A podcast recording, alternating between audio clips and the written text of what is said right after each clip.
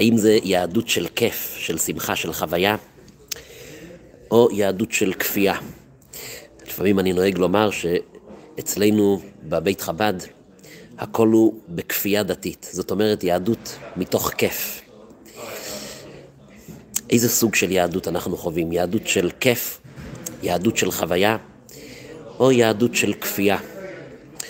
אנחנו רוצים היום לדבר על אחד מהדברים הכי חשובים, שהם היסוד להכל. הנושא של לחוות את היהדות בצורה כיפית. אבל אני רוצה להקדים ולומר שאני נמצא ב-770, יש לי הזכות להיות אצל הרבי, בבית מדרשו של הרבי מלובביץ', זכר צדיק לברכה. אתם יכולים לראות כאן את בית המדרש, אולי אחר כך אני אעשה אה, סיור, ארון הקודש ומקום, המקום של הרבי הקבוע. ומכאן אנחנו, אה, מכאן אנחנו הולכים לדבר על הצדיק ועל העניין של יהדות מחוויה, יהדות מכיף. זה קשור, זה קשור בקשר הדוק עם החוויה גם של חיבור לצדיק. ויאמינו בהשם ובמשה עבדו. אז יש יהודי שיכול לחיות כל החיים שלו ולשמור מצוות ולהיות יהודי מקפיד קלה כבחמורה, אבל, איך לומר את זה בלשון המעטה, זה הכל, אה, זה הכל קצת בצורה, אה, בצורה, אני לא רוצה לומר מאוסה בעין, אבל קצת בכפייה.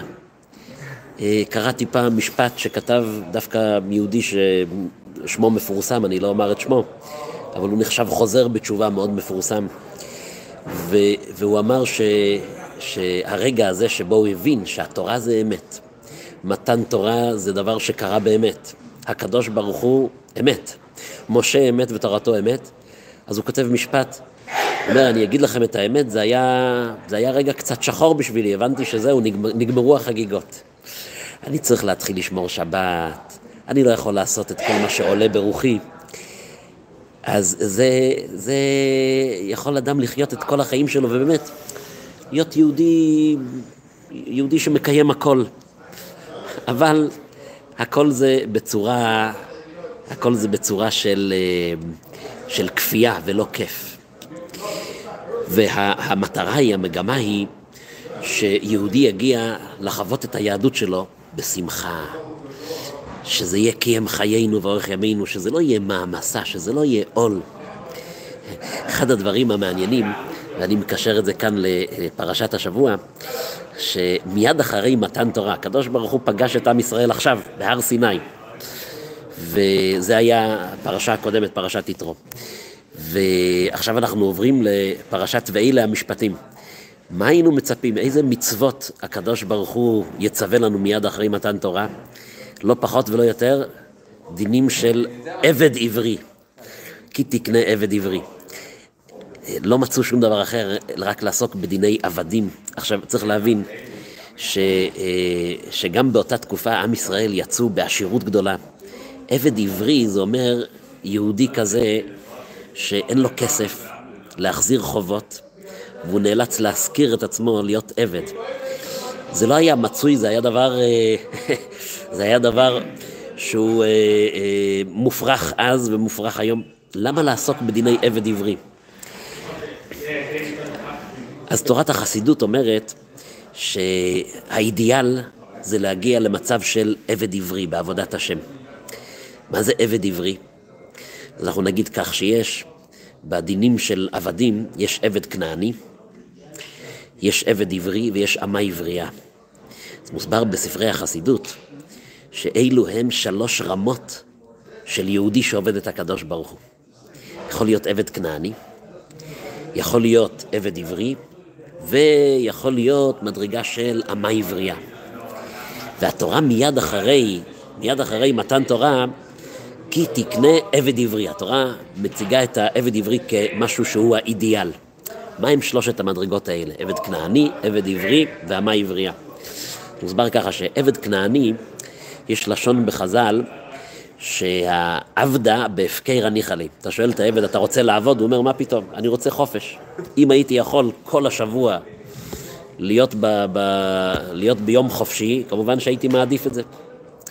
עבדה בהפקר אני חלה, הוא מעדיף להיות הפקר, הוא מעדיף שיפקירו אותו, הוא לא רוצה להיות. אבל, מה לעשות שאימת האדון עליו, האדון יש לו שוט, וה, והעבד, הוא נמצא כל הזמן באיזה פחד תמידי. מה זה מרמז בעבודת השם? זאת אומרת, יכול להיות יהודי שעבודת השם שלו היא במדרגה של עבד כנעני. זאת אומרת, הוא בעצם היה מעדיף אה, להיות, אה, להיות, להיות חופשי. היה איזה סיפור ש, שסיפרו לה, לה, להמחיש את הנקודה הזאת, את ההבדל, ש, שהיה בחור ישיבה, שיום אחד התגלה לו שעבדו עליו, ובעצם אמו אינה יהודייה, והוא בעצמו הוא לא יהודי. והנה אומרים לו, יש לך עכשיו את הבחירה בידיך, או להתגייר, או לעזוב הכל. אמרו, זו שאלה שאדם מדי פעם צריך לשאול את עצמו. אם אני נמצא עכשיו בצומת דרכים, ואומרים, הנה בבקשה, אתה יכול להיות אדם מושלם גם בלי היהדות. במה האדם יבחר? אז הרגע הזה, זה רגע שאם אדם אומר, אה, בהפקר אני חלה, אני מעדיף לעזוב הכל. אז זה מראה שגם לפני כן זה הכל היה בצורה של אימה ופחד. לא, לא, לא חייב להיות אימה ופחד ברמה המאוד בסיסית של אה, אימה ופחד מדין של גיהנום, אני מפחד מהדין שהקדוש ברוך הוא כביכול, לפעמים מציירים אותו, מישהו יושב עם, עם מקל של דין ומחכה לראות מי לא יעשה את רצונו חלילה. אלא גם כן אימה של כל מיני לחצים סביבתיים, אה, אני לא רוצה לשבור מוסכמות, וזה היהדות שלי, היהדות שלי זה כאן אני נולדתי, כאן טוב לי, אני לא רוצה ללכת נגד המוסכמות. או באמת כל, עבודה, כל, כל עבודת השם שלו נובעת מה, מהאימת של הקדוש ברוך הוא זה אמת ואני לא רוצה להמרות את פיו, לא רוצה לחטוף. זו עבודת השם ברמה מאוד בסיסית, עבד כנעני. אבל התורה, מיד אחרי מתן תורה אומרת, כי תקנה עבד עברי. מי הוא העבד עברי לפי החסידות? עבד עברי זה אחד כזה שהוא מזדהה עם עבודות הבית. הוא לא אחד כזה שבהפקר אני חלה, הוא לא מעדיף להיות, אלא הוא מכר את עצמו לעבד. כן, עבד עברי זה אחד כזה שהוא צריך לתת את הסכמתו, או שמכרו בית דין, אבל זה אחד כזה ש... שיש לו, לו בזה איזה אהבה, איזה אינטרס. ונכון שהוא עבד, אבל הוא עבד עם הזדהות. לכן, כל פעם שכתוב שמשה אומר לפרעה, שלח את עמי, הקדוש ברוך הוא אומר למשה לומר לפרעה, שלח את עמי ויעבדוני, עבדי הם. אנחנו הולכים להיות עבדי השם. אבל איזה עבד? לא עבדים כנעניים שנמצאים כל הזמן באימה ופחד. זה טוב בשביל התחלת הדרך. עבודת השם מיראה, זה טוב להתחלת הדרך. אדם צריך להתבונן שהכל אמת, הקדוש ברוך הוא זה אמת, ואני צריך לקיים את רצונו. אבל באיזשהו שלב אנחנו צריכים קצת להתחיל להתרומם במדרגה יותר גבוהה, ולהיות עבדים עבריים. מה זה עבד עברי? זה אחד כזה שיש לו כיף בעבדות הזאת. הוא מרגיש שיש לו זכות להיות עבד של הקדוש ברוך הוא. הבעל שם טוב אמר פעם שכל דבר צריך לעשות בשמחה. הוא אמר אפילו, אפילו העבד שהטילו עליו מלאכה לנקות את הארמון, הוא גם כן עושה את זה מתוך שמחה. אז הוא אמר, גם כן כשאני עושה תשובה, זה גם מצווה, אני גם עושה תשובה מתוך שמחה. נכון שבעבודת התשובה אדם צריך לבכות על החטאים, אבל הוא אומר, גם אז צריך לעשות את זה מתוך שמחה. למה? אני זוכה להיות עבד של הקדוש ברוך הוא. אז עבדי השם זה הכוונה עבד עברי. עבד עברי זה אחד שיש לו הזדהות עם זה, זה אחד שיש לו כיף בזה, זה אחד שנכון שהוא לא הגיע למדרגה של האמה עברייה, תכף נדבר, אבל עדיין היהדות שלו היא יהדות של הזדהות ושל כיף. מהי המדרגה של אמה עברייה? אז כתוב בחסידות שהעבד, העבד העברי, הוא מביא את המוצרים הביתה אבל הוא לא מכין אותם. האמה העברייה, היא נמצאת בבית, היא מכינה את הדברים, היא מגישה כבר אוכל מוכן. אומרים בחסידות שזו המדרגה של הצדיק.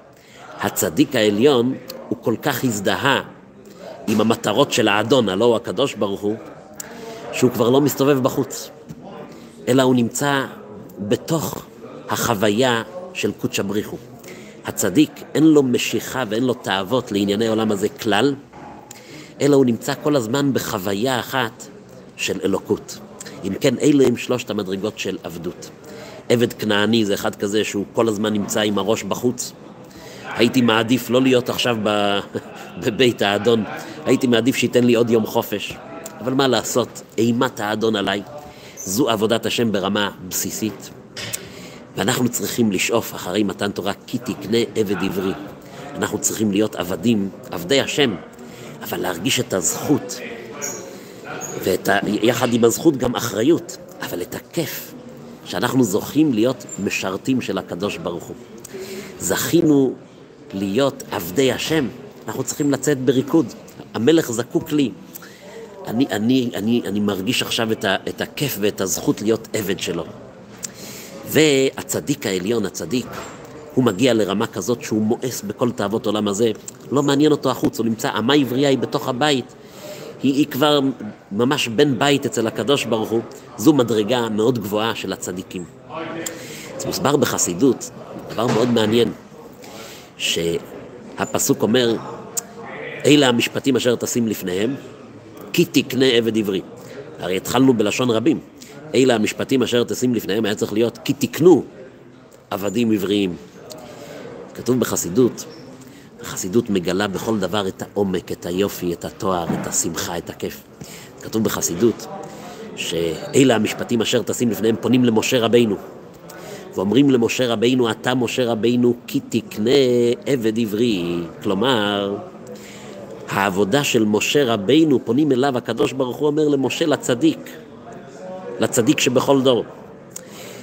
אתה, משה רבינו, אתה, העבודה שלך, של הצדיק, זה לרומם את עם ישראל ממדרגה נמוכה של עבד כנעני, כי תקנה, תקנה זה ליצור קניין בנפש. להעביר דבר ממצב אחד למצב שני זה נקרא קניין. לפני כן זה היה אצלו, עכשיו זה עבר אליי. אומרים למשה רבינו, אתה, משה רבינו הצדיק, כי תקנה עבד עברי, אתה צריך לפעול אצל עם ישראל שהיהדות שלהם לא תהיה יהדות של עבד כנעני, שהיהדות שלהם לא תהיה יהדות של מה אני יכול לעשות. כתוב ברמב"ם שיש מצוות מסוימות ששם אדם צריך להגיד אפשי, אבל מה אעשה שהקדוש ברוך הוא גזר עליי? על איזה מצוות מדובר? שאם אדם אה, רואה, אני יודע, בשר לא כשר, אה, שעטנז, כל מיני מצוות שהן לא מובנות בשכל, שלא יאמר זה מאוס אצלי, אלא יאמר, אפשי, אני יכול, דווקא אני יכול להתחבר לדבר הזה, אבל מה אעשה שהקדוש ברוך הוא גזר עליי?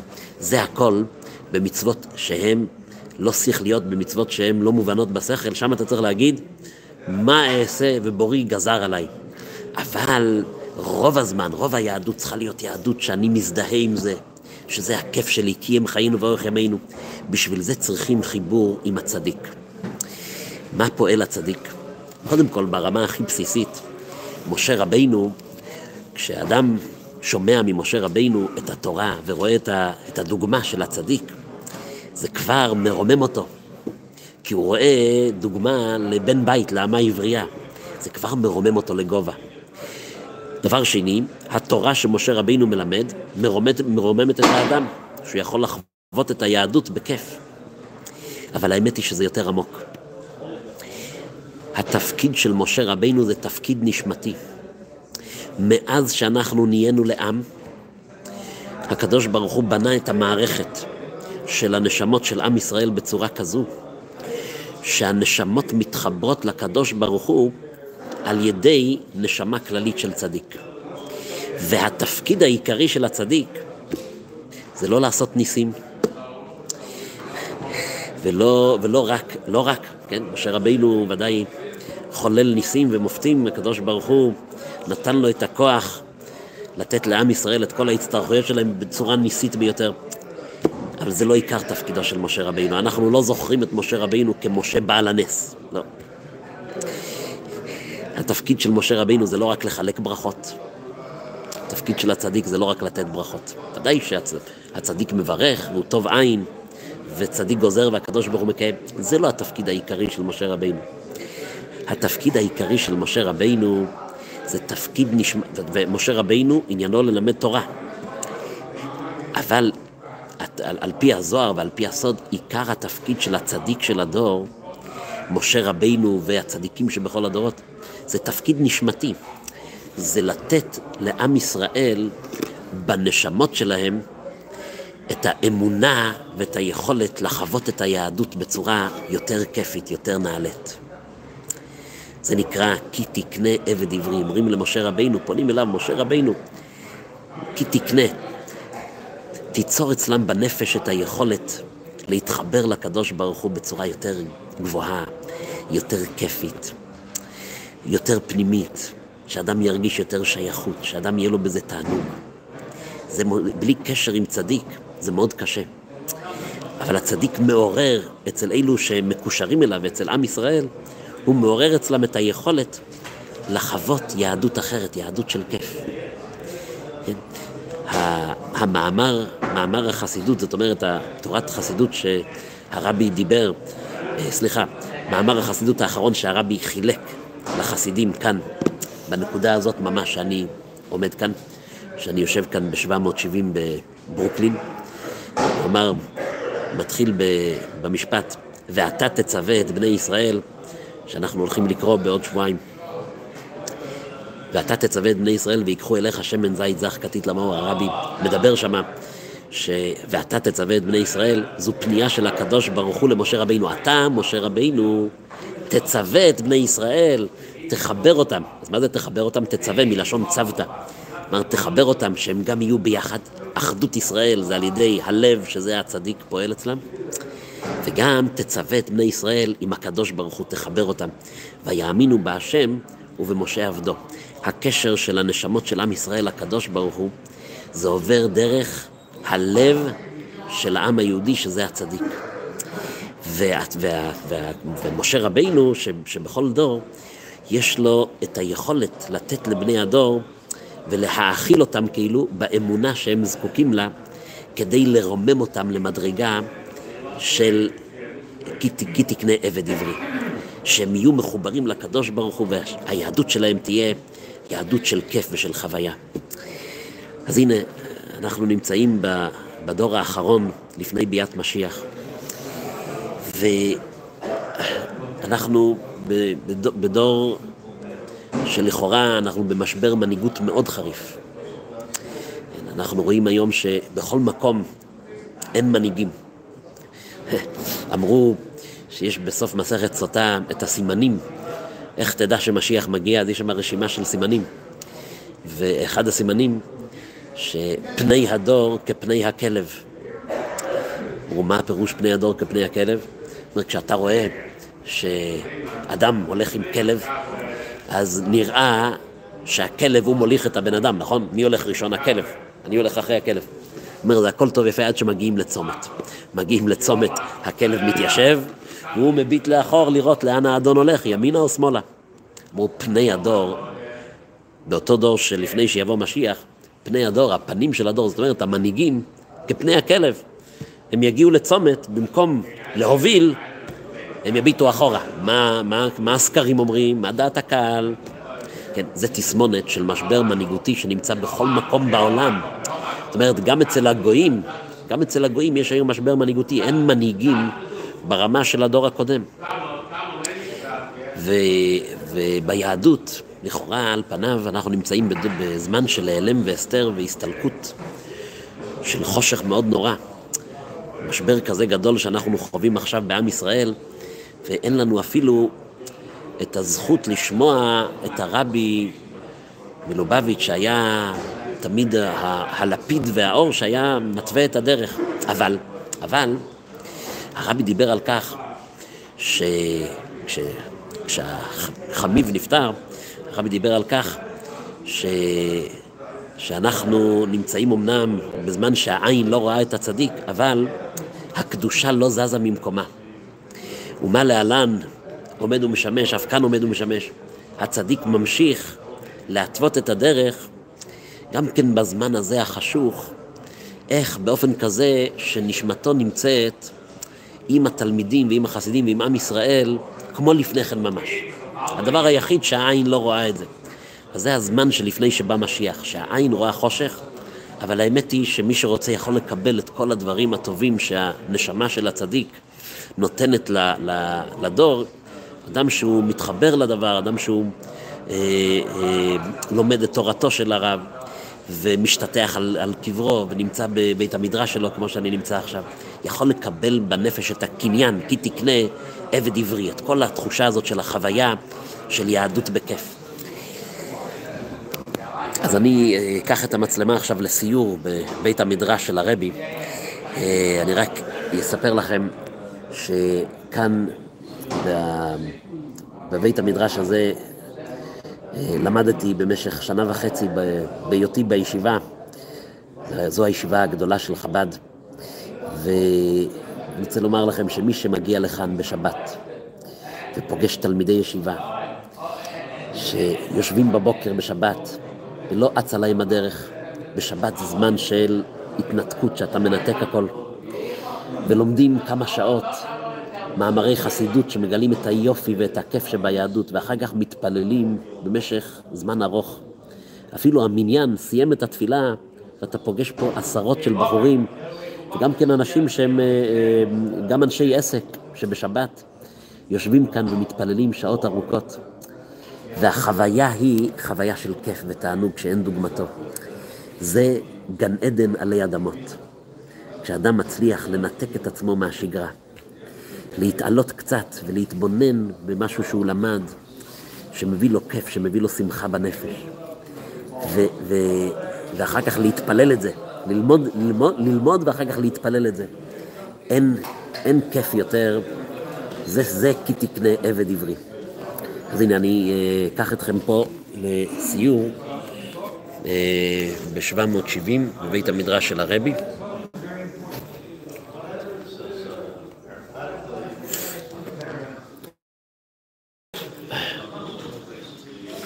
ואילו המדרגות והכיסא והסטנדר של הרבי שעומדים מוכן, אנחנו מחכים של תחיית המתים, הצדיקים יקומו ראשונים. בעזרת השם נראה אותו, הנה ארון הקודש, וכאשר הרבי מסיים את, היה מסיים את תפילתו, נוגע בארון הקודש, ומכאן אנחנו צועדים בבית המדרש.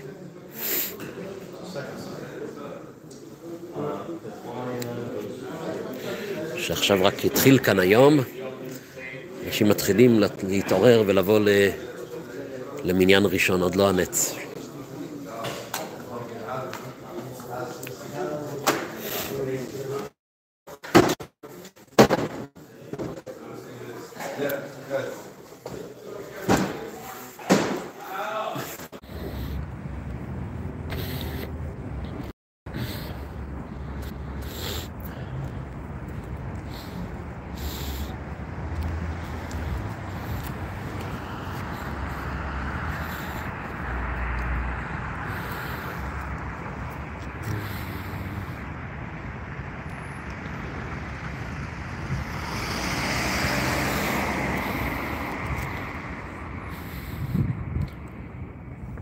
זהו, ומכאן, מ-770 Eastern Parkway, אמ, אנחנו נברך את כל המאזינים והצופים בברכת שבת שלום, ושנזכה לחוות יהדות כיפית. ולביאת משיח צדקנו, תכף ומיד ממש.